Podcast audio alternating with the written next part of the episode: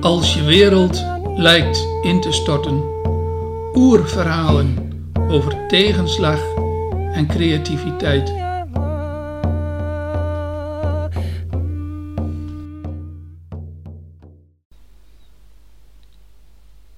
Het tempeltje en de oogst. We zijn op een handelsmissie aangekomen bij de stam in wat later Drenthe genoemd zal worden. Of ons dat wat op zal leveren, dat weten we nog niet. Wij weten waar het schoonste zout te krijgen is. Wij kunnen zorgen voor sierlijke stenen. We staan in contact met ervaren bronschieters van de beste kwaliteit gereedschap en wapens. En wilt u een boot of een wagen laten bouwen? Vind maar eens ervaren vakmensen. Nou, wij kennen die. Goud en zilver? Wij kunnen het leveren, net als ruw brons en tin. Wat we zoeken, grote huiden van koeien, maar dan wel om dik leer uit te kunnen halen, zachte bontvelletjes, graan van diverse soorten, slaven, jonge vrouwen en jonge mannen als soldaten in de dienst van het leger van welke betalende krijgsheer dan maar ook. Wij weten het en wij kunnen het verzorgen. Voor er gehandeld kan worden, is er het gebruikelijke ritueel van kennismaken en bijpraten. Iedereen vindt zichzelf belangrijk en wij hen ook, want zo komen we erachter met wat voor volk, stam, stammenverband of familie we te maken hebben. We zijn vandaag uitgenodigd bij de leider van deze stam. Een wijs man, zoals men van hem zegt. Hij zal ons vertellen over de gebruiken van de stam. We hebben een ontmoeting bij een tempeltje in het veen. Hij komt hoog te paard aanrijden. Blijkbaar wil hij indruk op ons maken. Vooruit, hij doet maar. Hij zet zich dan neer voor het tempeltje, op een schapenvacht op een kruk. Wij zitten op de grond. Gelukkig staat het tempeltje op een droge zandkop. Hij kijkt ons aan. Hij zwijgt. Laat het stil zijn. We horen de vogels en de zoemende insecten om ons heen. Ergens in de verte, aan de rand van het veen, werkt een specht aan een boom. Dan klinkt het. O bezoeker, dank u wel dat u de tijd neemt om aandacht te besteden aan mijn eenvoudig persoon. Ik ben geen grote held. Ik ben geen mens van naam. Ik ben slechts een wijze, die door velen als onwijs wordt gezien. Maar als men in nood zit, dan komt men naar mij toe. Ik spreek uit wat rechtvaardig is, waar onrechtvaardig is gehandeld. Ik geef adviezen om de stamleden onderling met elkaar om te laten gaan. Ik zie aan het vliegen van de vogels en de lever van een vers geslacht dier, of gewoon in de ogen van mijn bezoekers, wat goed is voor de toekomst. Ik weet niet alles, maar ik weet genoeg om u te laten weten wat wij weten. Maar, uh, tja, wat weten we eigenlijk? En wat weten wij niet? Wat zullen we misschien nooit weten? Maar sommige dingen weten we wel heel goed. Als op het eind van het jaar, als de dagen steeds korter worden en door de lucht het joelen van de storm wordt gehoord, dan is het maar de vraag of het licht ooit terug zal komen. De geesten van de voorouders rijden door de lucht. Ze willen de baas worden op onze boerderijen, ooit hun boerderijen. Als wij dan ook op onze hoorn gaan blazen, dan denken ze dat er zoveel groepen krijgers klaarstaan dat ze niet meer durven komen. Ja, probeer het maar eens. Als je buiten gaat blazen op een hoorn als de dagen korter worden, dan worden ze vanzelf weer langer. Wat we ook weten, vissen, wat hebben die veel jonkies, kikkers, hele wolken vol eitjes. Allemaal kikkervisjes komen eruit. Eenden en andere watervogels dikke nesten vol eieren en veel kuikens. We weten niet wat er onder de waterspiegel zit. We weten wel dat daar een kracht woont, zo groot, dat alles wat met water te maken heeft, een hele goede oogst krijgt. Oftewel, veel kinderen, veel voorspoed. En dat allemaal door vogels en watervogels. Niet voor niets vertellen we onze kinderen dat de kleine kindjes worden gedragen op de rug van een zwaan als ze bij ons komen.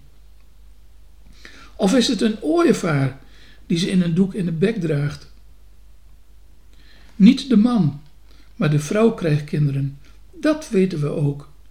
Er woont een grote kracht in het veen achter de waterspiegel van de plassen in het bos. En dat is een vrouwelijke kracht, een moeder van alles, een oermoeder. En iedere stam geeft haar een eigen naam. Als we naar een omgeving komen, bij de veenplassen en de meertjes, dan worden we allemaal gewaarschuwd. Dit is haar domein. Hier eindigt de gewone mensenwereld. We hebben op tal van plaatsen eenvoudige beelden neergezet. Houten palen met simpele gezichten erin uitgebeiteld. Het is een boom die zich in twee takken splitste. De boom wordt gewoon op de kop gezet, alsof er een lijf met twee benen staat. Bovenop is weer het hoofd uitgehakt. Meer hebben we niet nodig. Dan weten we, hier begint haar wereld. Maar snapt ze ons wel? Die oerkracht, die oermoeder? We twijfelen soms aan haar. Weet ze wel wat wij belangrijk vinden?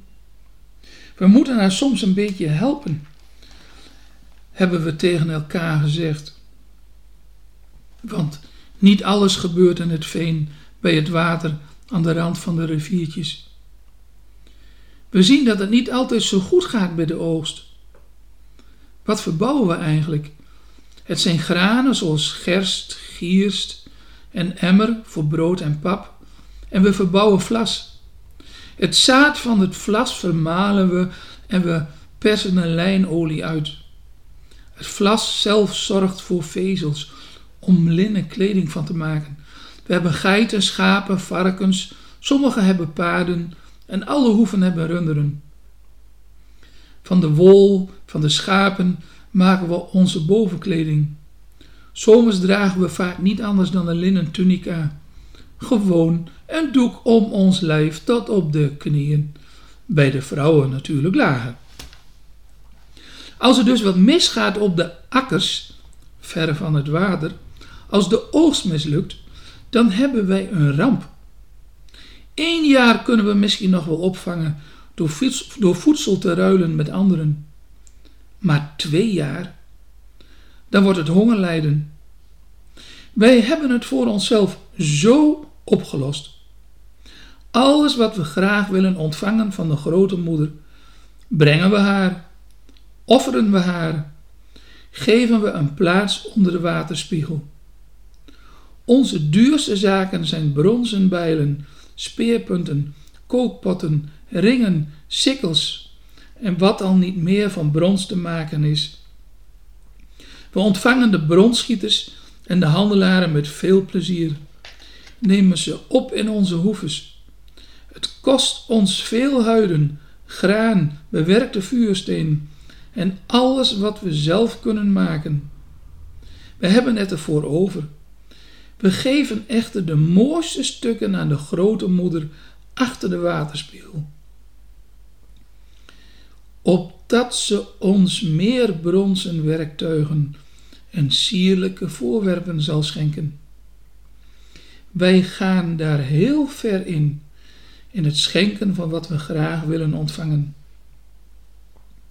Het gaat bij ons zo ver dat we ook kinderen en volwassenen offeren in het veen. Soms gaat dat om mensen die zich zeer slecht hebben gedragen. Soms bereiden we een kind voor op de ontmoeting met de grote moeder en houden het met stokken en takken onder de waterspiegel, tot de grote moeder het opneemt. Zijn wij wreed?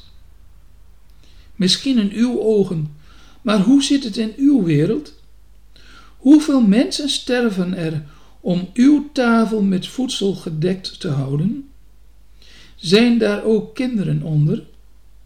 En wat moeten we anders als kinderen sterven door ziektes, als er te weinig worden geboren en als de families oud en ziek dreigen te worden? Geen kinderen is geen toekomst. En met een mens dat we schenken aan de grote moeder, iedereen die haar wereld in mag gaan, een grote kunst, een grote gunst, een grote toekomst en het vooruitzicht, krijgt de familie en de stam weer kansen. Meestal gaat het er veel plezieriger aan toe. We hebben de grote moeder een eigen woning gegeven.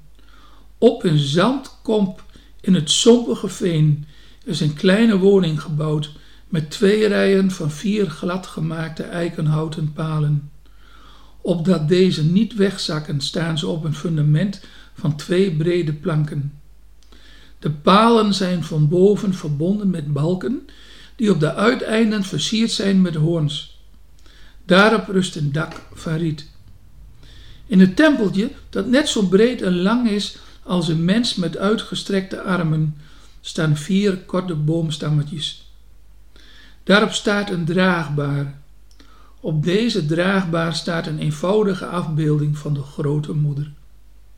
Het is niet meer dan dat we op de randen van het veen en van de waterplassen zitten. We kunnen haar zelf niet namaken. We weten er te weinig van, van die grote moeder. Maar wie de draagbaar ziet, als deze op de schouders van vier mannen of vrouwen wordt gedragen, weet dat het om haar gaat. We hebben over het sompige veen planken gelegd.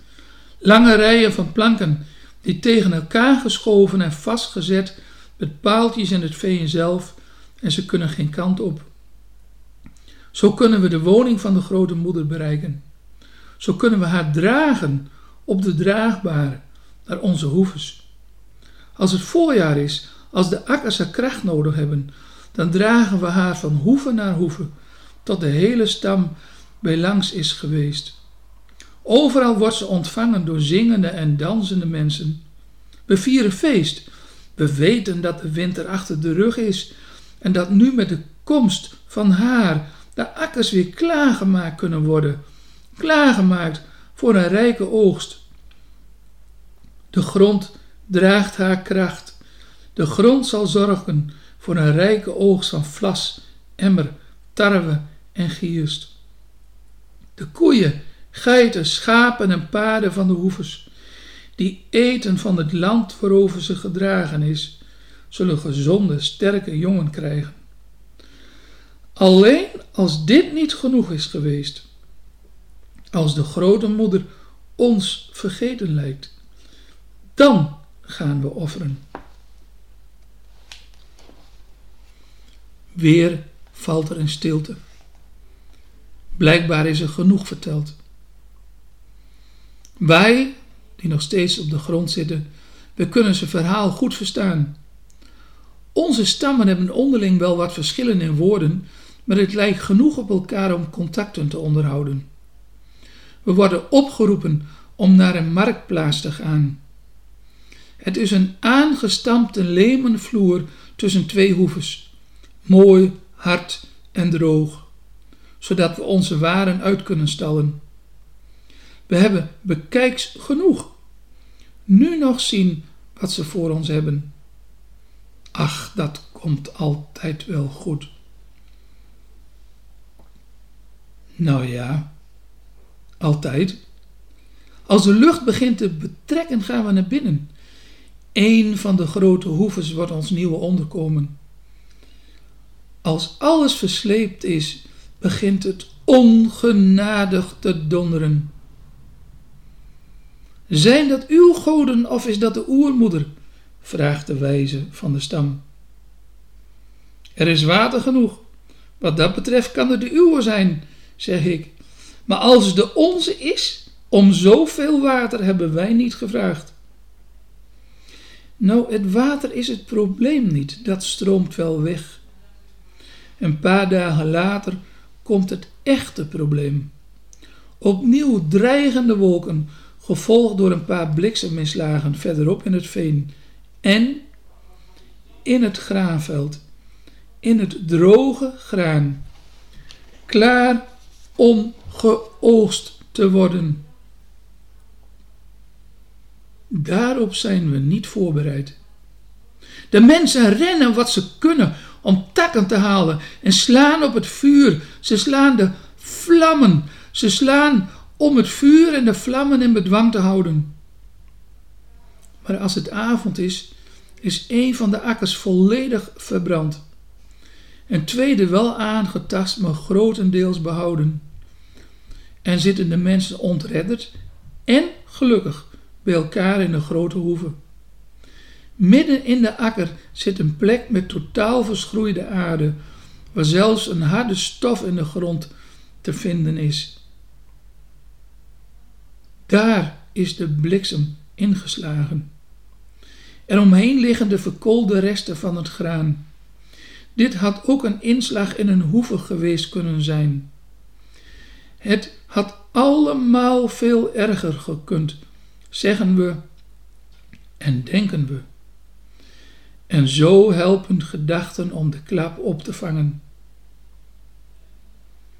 Onze handel gaat een onverwachte kant op. De families hebben nog genoeg graan voor de komende winter en voor de periode tot de volgende oogst, als deze oogst binnen is gehaald. De andere families helpen om hen het verlies op te laten vangen. Zo doen mensen dat. De grilligheid van de goden, welke dan ook, kan men niet overzien.